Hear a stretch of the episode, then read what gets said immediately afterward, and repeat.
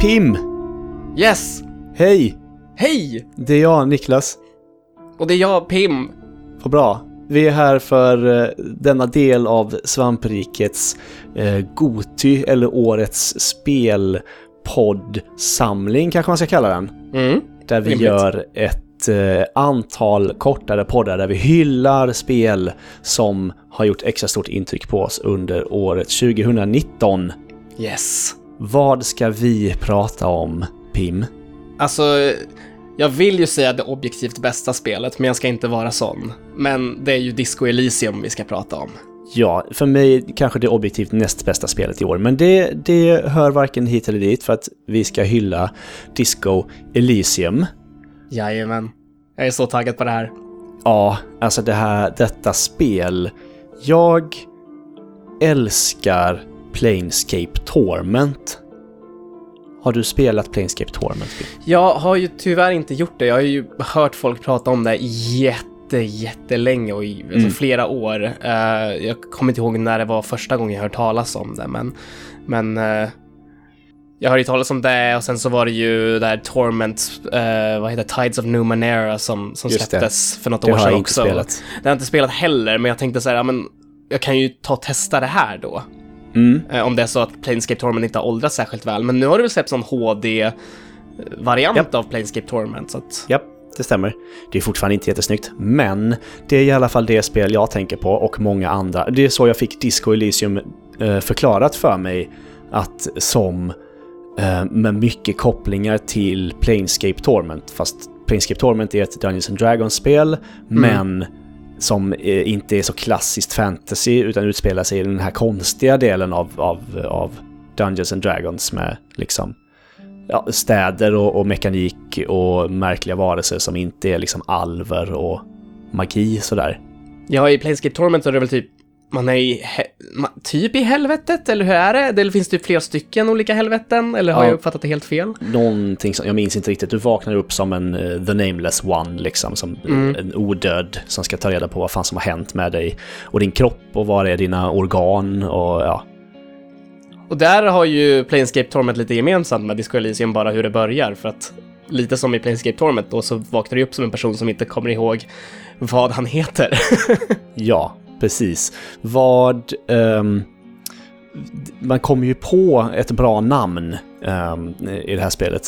ja, Jag kommer inte ihåg vad det heter. eh, vad han heter. Rafael Custon och sånt där. Rafael Cousteau Dubois någonting. Ja, Eh, han är ju, jag, när jag eh, ser det här spelet och spelar den här huvudkaraktären som eh, eventuellt heter Dubois i efternamn, kanske inte, så Mm. tänker jag väldigt mycket, alltså det är som att spela en blandning mellan eh, Charles Bukowski och Hunter S. Thompson. Jag är inte så bekant med Bukowski, däremot Nej. Thompson, ja. Jag har Men- både sett filmen och läst uh, Fear and Loathing, så att... Ja, men det här eh, liksom, det här som alla eh, vita män i eh, 30-årsåldern älskar, den här självdestruktiva, eh, gränslöse, eh, också eh, vite mannen som super och knarkar och ändå lyckas med det som det är tänkt. Mm. Ungefär. Jag vet inte om jag någonsin har varit med om ett spel där man spelar någon som är så självdestruktiv. Men det är det som är så nice också, för att man, man kan ju... Uh, obviously, som sagt, man vaknar ju upp som en person som inte kommer ihåg sitt eget namn. Eh, och vad som ledde fram till den punkten var ju att eh, du, innan spelet började, var väldigt självdestruktiv och så. Men vad du väljer att göra sedan efter att du vaknat upp och spelet börjar, det är ju lite upp till dig. Eh, så du kan ju fortsätta vara den här Hunter S. Thompson inspirerade knarkpolisen. Eh, eller så kan du bli en politisk aktivist och eller du kan bli en eh, discokung och nej, det är...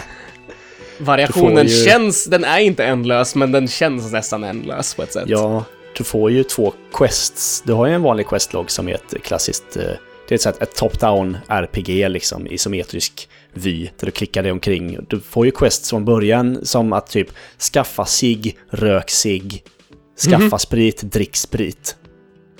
Jag, jag Eh, älskar det med, med det här spelet för att det, det slänger på dig sådana där saker som ja, men en, en sån quest som att skaffa sig. Och instinktivt så tänker man ju då att ja, men spelet säger åt mig att göra den här saken, då ska jag väl göra det. Jag är en completionist, jag ska göra alla quests liksom. Men, men någonting som blir väldigt tydligt eh, i Disco Elysium är att bara för att spelet säger åt dig att du kan göra en sak så borde du inte nödvändigtvis göra det. Det fanns till exempel ett ögonblick när eh, det var någon slags utkiks jag ska inte säga utkikstorn, men någon slags utkikspost i alla fall, som eh, eh, var tom, som jag gick in och undersökte. Och då låg det ett fotografi där, som jag bara instinktivt, så att jag har spelat liksom Skyrim och Morrowind och sådana typer av spel där man bara plockat på sig allting som är inom en synfält. Bara ta det här fotot och min partner eh, Kim, som följer med genom hela spelet i princip, bara frågar varför tog du det där fotot för? Och jag står där och bara, ehm... Jag, jag, jag, jag vet inte. Det är väldigt många spel, ja men det är väldigt många gånger som det här spelet, att man gör saker och, så, och spelet frågar en bara, men varför gjorde du så? Man bara, Mm. oj, um, hoppsan. Spelet Eh, ser dig hela tiden. Ja, eh, jag... eh, Precis utanför, utanför rummet som man vaknar upp i, kanske ska berätta då, man spelar ju som en polis, troligtvis. Ehm, Som är- i en, en stad som heter Revachol, heter den va? Revachol, precis. Är det staden eller landet? Martin... Eh, jag tror Revachol är... Ah, det här blandar jag ihop hela tiden. ja, jag med. Det kan vara så att Martinez är landet eller att det är ett annat land eller... Nej, jag, jag, jag tror Revachol är landet. Jag, Ja, jag, nu, kommer någon, nu kommer någon höra av sig och rätta mig, men Ja. jag tror att Du Revachol kan inte kunna allt om det här spelet som ni sitter här och hyllar. Eh, jag har inte ens klarat det här spelet, men jag vill hylla det ändå. Eh, så därför ska vi inte spoila hur det slutar eller någonting. För, Nej, mig, nej, nej. för min skull. Lyssnarna skiter jag i. Ja, nej, jag kommer inte spoila någonting för din skull. Det, det är bra. för bra Precis. för att spoila. Vi vaknar ju upp som en eh, polis eh, då som inte, vak som inte vaknar, som inte har något minne. Eh, och hans partner Kim är ju lite mer, har inte varit på en suparbender i flera dagar som du själv har varit.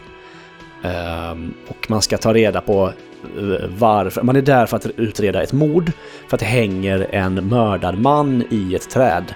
Eh, som folk är jävligt sura när man vaknar för att du har varit där i tre dagar och fortfarande inte tagit ner det här stinkande liket som hänger där och ruttnar. Ehm, så det, och så ska du ta reda på vad som har hänt där helt enkelt. Ehm, och det första som hände när jag gick ut ur rummet som man har på hotellet där man bor. Jag träffade en kvinna där eh, som jag pratade lite med som, som kommer bli en, en större del av, av storyn sen. Och jag vet inte varför, men jag så här eh, tvångsmässigt måste testa alla alternativ när man, ehm, när man, ja, när man pratar med folk. Ja, ja jag klandrar det inte. Man kan... Man, man, man kan kalla henne för typ en jävla hora. Mhm. För att man tyck, om man tycker att hon inte, inte eh, går med på när man raggar på henne. Mhm. Vilket så här, jag bara, det här, oj, fan, vilken sjuk grej att säga. Men den är ju ljusröd den här raden, jag har inte klickat på den, det måste jag göra. Mhm. Och så gör jag det och bara mår jättedåligt sen. Och spelet liksom sitter så här, varför, varför, varför gjorde du så? Jag bara, men det var ju, jag kunde. Ja, det Så. fanns en lysande knapp. Ja, Jag var ju tvungen att trycka himla- på den liksom. Ja, det är så himla sällan som, som spel faktiskt gör, ger en tillfälle att göra saker som man kanske inte borde göra. Ja. Sen kan du ju visserligen också eh, i det här spelet spela denna eh, eh, Mr Dubois som någon som kallar kvinnor för horor och eh, är öppet rasistisk mot sin egen eh, jobbpartner och alla andra som inte har samma ursprung som en själv. Ja, för det är en sån grej som man, man snackar ju, eller har snackat väldigt mycket om, om politik i tv-spel de senaste, ja, vad ska man säga, sen Gamergate kanske. eh, och eh, det här är ett sånt fall där om någon påstår att det här spelet inte är politiskt så är man ju eh, dövblind. För, Eh, ja. för, för politiken är liksom front and center i Disco Ja. Elysium. Det handlar till 90% om politik. Det är så pass att utvecklarna till och med under The Game Awards ka- tackade Engels och Marx när de tog emot ett pris. Ja, de tog emot fyra priser under det sista talet och då tackade de bland annat då Engels och Marx. Nej, vad sjukt. Oj. Så väldigt Ja. politiskt. Så Ja. ja, du kan ju välja att vara en rasist, du kan vara en fascist, du kan vara kommunist, du kan vara moralist, du kan vara ultraliberal, du kan eh, välja i princip vilken politisk inriktning som helst. Jag blev kommunist och får nu eh, extra erfarenhets... Nej, eh, extra lätt att klara eh, tärningsslag när jag eh, pratar om vänstergrejer. Mhm.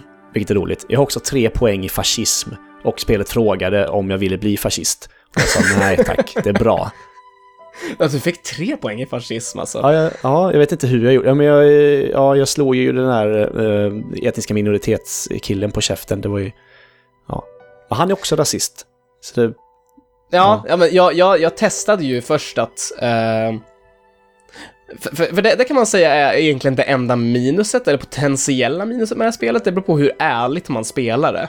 Eh, för det är så här, jag tror att jag blev typ less för att jag var inte helt hundra på hur jag skulle ta mig till, till eh, den fackliga ledaren som man kan ta sig till om man nu konfronterar den här vakten då.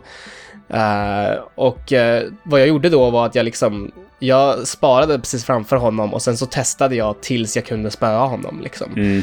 Eh, och det var, det, var, det var några gånger som jag gjorde liknande saker och det, det kändes lite oärligt att göra så, men, men det här spelet är lite för bra på att ge dig ångest emellanåt, så om du vill undvika det så är det en, en, eh, ett skyddsnät, ett, ett potentiellt skyddsnät. Ehm, Ja, precis. För den här snubben då som vi pratade om och, och fackpossen är ju viktiga eftersom eh, det här mordet också spelar en stor del i en pågående strejk. Eh, Yes. Hamnarbetarstrejk. Eh, där du kan ja, välja sida och sådär. Du kan, du kan gå med eh, strejkbrytarna om du vill. Och de har sina argument, vissa vettiga argument. Du kan, och du kan gå med de som strejkar om du vill. Du kan göra ingenting. Ehm, och den här strejkvakten då är en jätte, jättestor musklig snubbe som är från ett annat land. Och Mm. han är superrasistisk. Eh, efter jag slog honom på käften, för jag lyckades, så sa han, så sa han ju sen att eh, ja men det är lugnt för att du slog mig i vår rasstrid. Eller något sånt här. Man bara uh, pratar väldigt liksom, mycket om ras och Ja. rasegenskaper och sådär. Och ändå är han en förtryckt minoritet i den här staden som vi är i. Och fan, vem ska man... Ja, det är inte, det är inte Nej. så svart och vitt. Det är inte Mass Effect det här om man säger så. Nej, gud nej. Alltså bara Nej. en sån sak som man tänker typ såhär, om man är vänsterideologisk så, då, då tänker man ju säkert såhär, ja men för du, du, blev, du blev kommunist, det ska jag erkänna att det Ja. blev jag också. Eh, även på min andra genomspelning så blev jag det. Jag försökte såhär, men jag, jag, jag ska pröva någonting annorlunda, men det gick inte. Eh, så att, eh, då tänker man såhär, ja men då är det klart att jag, jag vill stötta arbetarna här liksom. Det är klart, alltså de som strejkar liksom. Mm. De, de, de ska ha sina rättigheter och de förtjänar dem. Men om du stöttar facket så stöttar du ju till viss del även den extremt korrupta fackledaren. Mhm. Så eh, det känns inte som att det finns någonting som du säger helt rätt eller helt fel. Det finns inte Paragon och Renegade Nej. alternativen som i Mass Effect, utan här eh, här får du verkligen böja och bända på din egen personliga moral. Ja. För du har ju strejkbrytare och tänker man, men strejkbrytare de är, det är ju dåligt. Men då står ju de där och vill jobba för att ja, vi vill kunna så föda våra familjer typ. Men det får vi ju Mm. inte. För att de här strejkar och de som strejkar sitter mest på baren och dricker sprit typ. Och det blev, Ja, nej, men fan, precis. jaha, nu blev det här jobbigt också. Sen finns, jag vet inte om det här riktigt räknas som en spoiler, men det finns, för det här har inte jag bekräftat heller, utan det är så här, det, under min andra eller första genomspelning så, så hörde jag också någonting om att det eventuellt kunde vara så att, att eh, strejkbrytarna hade anlitats av ett företag för att stå Mm. där. Och Det då är det också också så här, fan, vem, vem kan jag lita på i denna värld som jag inte vet någonting Ingen. om? Nej, ingen. Eh, för det är ju en postrevolutionär värld, uh, har jag fattat det som. En Yes. kommunistisk revolution som har eh, inträffat några år tidigare, eller kanske några decennier tidigare. Ja, decennier tidigare. Typ Det är ju en helt annan värld än vår. Den liknar ju vår, men är liksom väldigt mycket mer skruvad. Och ska Den likna vårt kanske 70-tal eller så. Ja, Kanske. men typ. Ja. Det, det finns viss teknologi som känns lite nyare, eh, Mm. men, men överlag så skulle man väl kanske kunna säga ja, där någonstans möjligtvis. Men ja, ideologiskt och så här politiskt så finns det ju definitivt likheter med vår egen värld så. Men det är Mm. definitivt en, en egen värld som, som den här studion har skapat. Ja, men precis. Länderna och städerna har ju andra namn, men det heter fortfarande kommunism till exempel. Ja, Men det är bara istället för Lenin så är det Massov liksom. ja, de kommunistiska ledarna har ju inte varit Engels och Marx och, och Stalin, utan det Nej. har varit andra personer. Så. Ehm, de har liksom byggt en värld som är helt makalöst detaljerad skulle jag säga. Ehm, Oh ja. Alltså de har ju ett helt komplett politiskt system, ett eget rättsväsende och allting. Och det känns som att det är en värld som existerar utöver det här spelet. Att världen finns och sen drar spelet från det här. Inte som det brukar vara, att du gör ett spel och sen så kommer du på okej, den här delen av den här världen för att vi måste ha det i den här konversationen. Mm. Det känns som att det finns en bibel någonstans eh, hos eh, den här studion. Eh, Zaum, tror jag de heter. Mm. Ja, jag försöker uttala det där också. Som verkar vara estländare fast baserad i London ungefär, typ något sånt. Mm. Deras första spel i alla fall. De säger att det började som en eh, Dungeons and Dragons-grupp och sen blev det en, en spelstudio. Det, det är en jävligt kul grej. Det, det finns en... Mm. Mm. Mm. Ja, Jag jag, ska inte spoila någonting, men att, att, att, att, att det deras backstory är väldigt intressant. Om man, Ja. om man, om man spelar eh, senare in i spelet så kommer du... De kallar sig själva för ett, alltså att det började som en kulturrörelse med konstnärer, författare, entreprenörer, aktivister. Mhm. Och sen eh, senare blev det en spelstudio av det. Så de kommer ju definitivt inte från spelhållet, Mhm. eh, vilket märks. Oh ja. För Definitivt. att du måste det läsa väldigt mycket i det här spelet. Och det är väl typ det, det bästa och det sämsta för, för min del, kanske. För att det är så här, jag, jag har ju ADHD. Så att jag har, jag har väldigt svårt för det här med att koncentrera mig på att läsa någonting under väldigt liksom, utsträckt tid. Och jag har blivit ännu sämre på det på senare år. Ja. Eh, så att, så att eh, liksom, min tanke var ju att jag spelade igenom spelet en gång och behövde inte oroa mig, oroa mig allt för mycket över att jag skulle typ missa detaljer och sånt där. Utan jag bara, jag, jag kör och sen så fastnar lite grejer. Sen så kör jag en gång till och då tar jag lite långsammare tempo och sen så tar jag in mer och lär mig mer om världen och så vidare. Men även nu under andra genomspelningen så känner jag att jag skippar jävligt mycket grejer.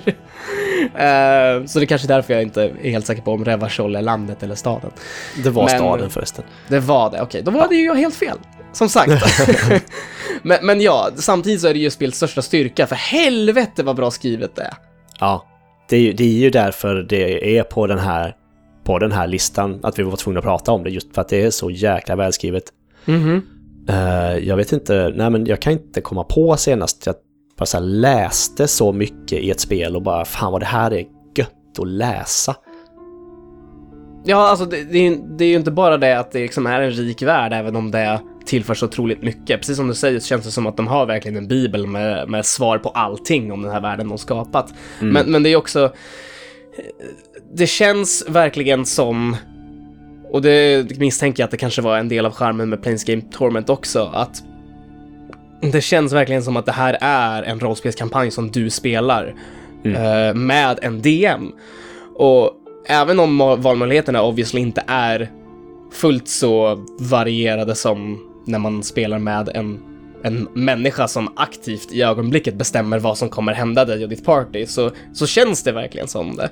Eh, För du kan göra de här fullständigt urspårade sakerna. Du kan skita i att vara en polis och liksom bara Fuck it, jag gillar disco, jag köper en boombox och går runt och Du lyssnar behöver på... inte lösa det här mordet va? Alltså jag tror inte det. Men man vill ju det såklart. Ja, ja självklart. Det, och det är, det är så jag har spelat det de här två gångerna som jag har spelat det. Nu har inte jag spelat färdigt min andra genomspelning i och för sig, men... Men... eh, Ja, alltså du kan ju låta den där kroppen hänga där i flera dagar till. Och bara göra allt annat istället. Hitta Ja. sig och röka dem. Ja, ja men till precis. exempel.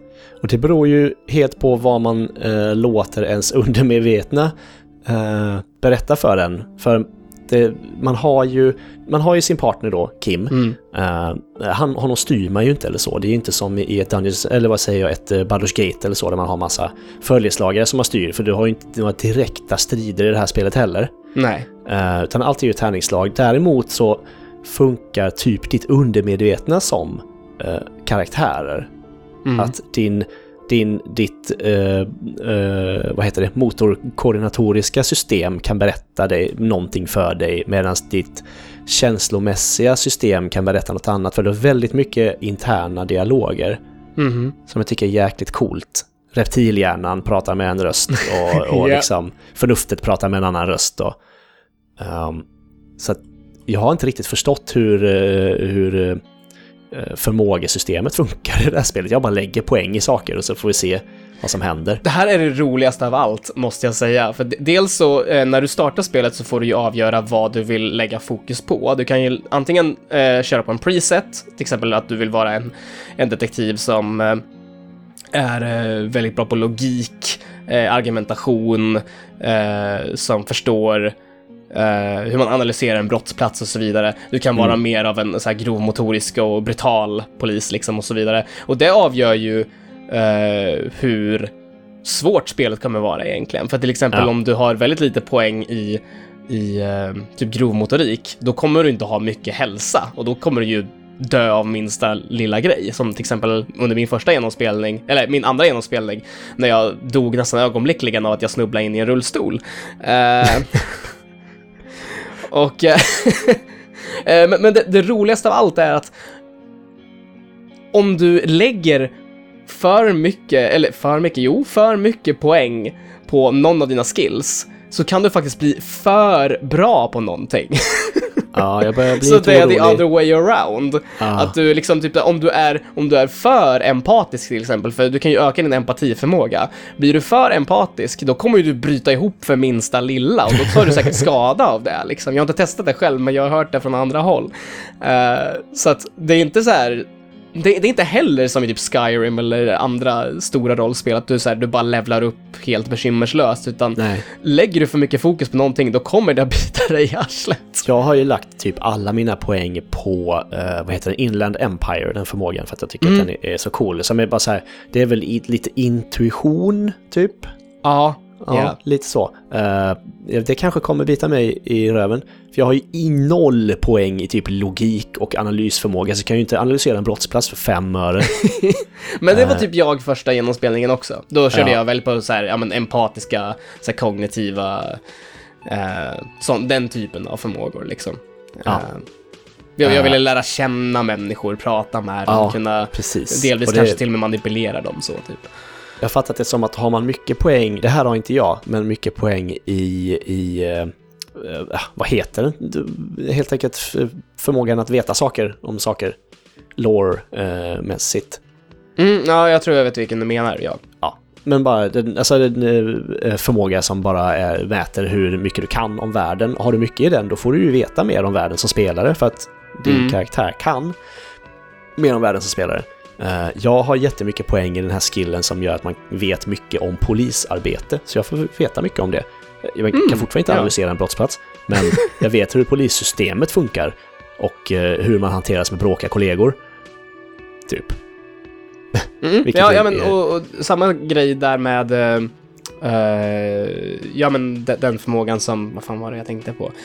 Eh, ja, nej men det, det, jag, det är det är någon av de blåa intelligensbaserade baserade, De man har eh, högst upp. förmågorna. Ja, precis. Det är det är ju någon av dem som om du har relativt högt i någon av dem redan vid starten av spelet, då kommer du ihåg ditt namn på en gång nästan. Ja, just det.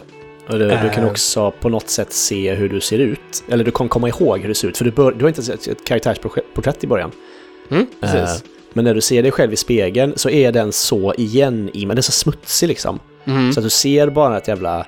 Och så är du helt mosig i ansiktet för att du har varit ute supit i, i, i flera dagar. Mhm. Eh, så då får du den bilden. Med ett jävla konstigt grin så här. Eh. Ja. Jag, tror, jag tror att om du eh, minns eller kan städa den här spegeln så får du en annan bild på, av hur din karaktär ser ut. Ja, det, jag Tror tänker inte jag. förklara exakt hur det går till, men, men, Okej. men ja, det, Ja. det stämmer. Eh, man, man kan ändra det där g- grinnet så att det Ja, eh, inte är kvar. ja bra.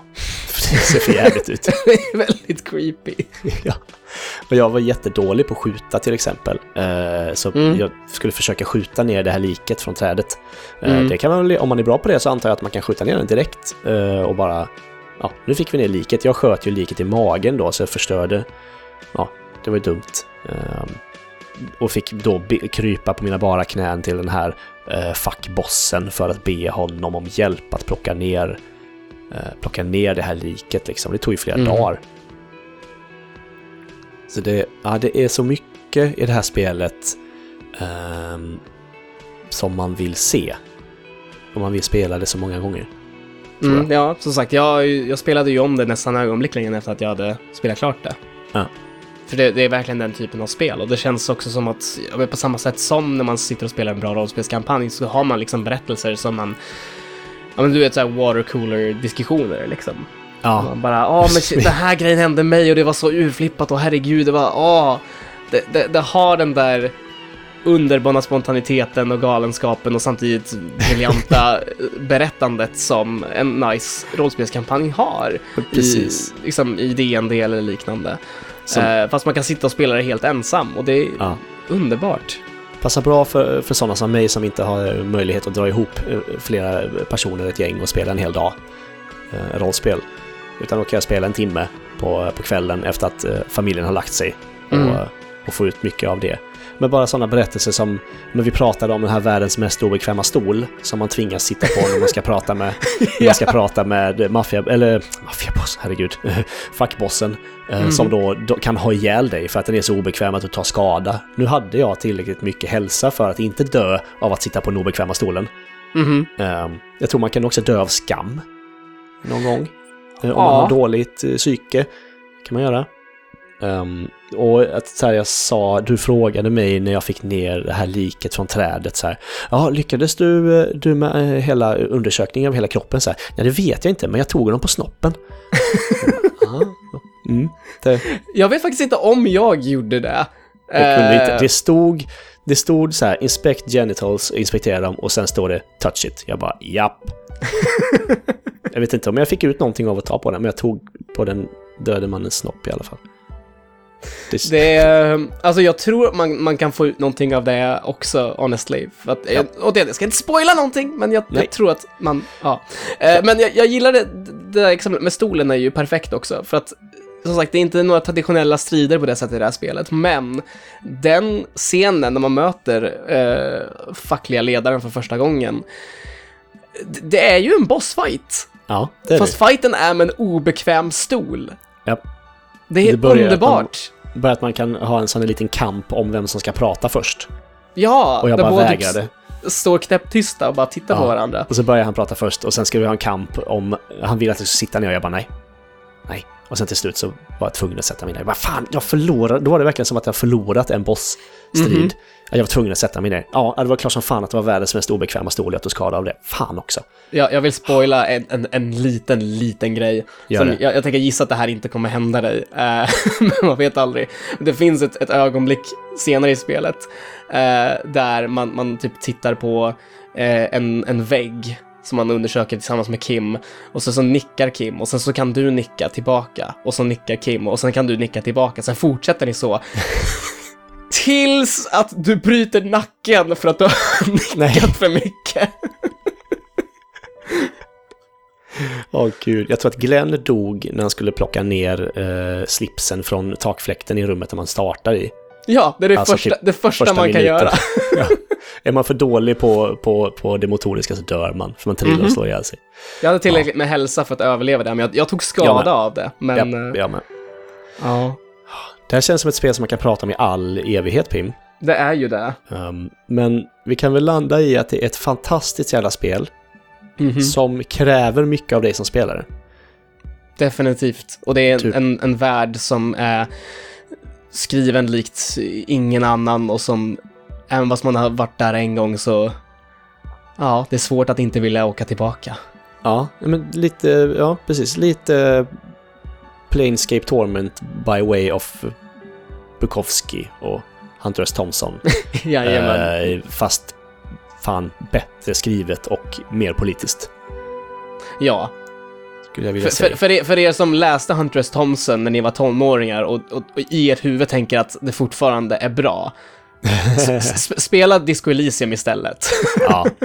Men var beredd på, ja, var sugen på att läsa eh, en roman liksom. För att Oh, det, ja. Och det, är- det är jag, för jag har velat läsa eh, mycket länge och jag har inte gjort det, jag har bara spelat spel. Mm. Ja, det är samma här. Ja. Som Jag tror, att vi måste, jag tror att vi måste lämna Disco Elysium därhän, så att vi kan prata om det här i all evighet och det lär vi göra någon annan gång. Absolut. Men ehm, eh, vi får ju lämna plats åt andra spel också. Det är ju inte bara det här som har släppts eh, i år. Jag Ja, vi måste väl göra det antar jag. ja, tyvärr. Vi kan prata om någon jävla Star Wars eller Sekiro eller... Ja, Ja, ja. Inte lika bra spel, men, men de, Nej. det är väl det är spel det också. ja de är okej. Ja. Men Disco Elysium är nästan bäst. Ja, bäst min del, alltså, jag tänkte Sayonara Wild Hearts först. Ja, Och sen så kom det här och bara, ja. Herregud. Sleeper hit, verkligen. Verkligen. Det, det har tagit folk några veckor och månader att hitta det, men alltså, ja, det... Ja. Det är ett av de bästa spelen jag någonsin spelat. Hands Ja. down. Ja. Fixa Disco Elysium. Det, eh, finns, det, det finns bara på PC.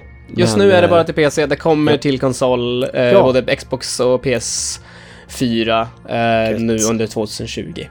Gött. Eh, Just nu på Steam och eh, GOG. Det släpptes i oktober. 15 oktober 2019. Kostar typ 400 spänn. Det är lätt värt det. Gud ja. En Utan present till dig själv. Ja, Unna dig det. det kan, det kan du behöva du som lyssnar på det här. Jag tror det. och med det så sätter vi P för denna eh, årets spel slash Goti eh, poddavsnitt om Disco Elysium. Jag eh, heter Niklas och eh, du heter Pim, eller hur? Yes. Ja, det gör jag oftast. fortfarande.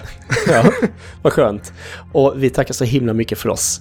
Eh, ja, ha det bra. Ha det bäst allihopa. Hej då! Hej då.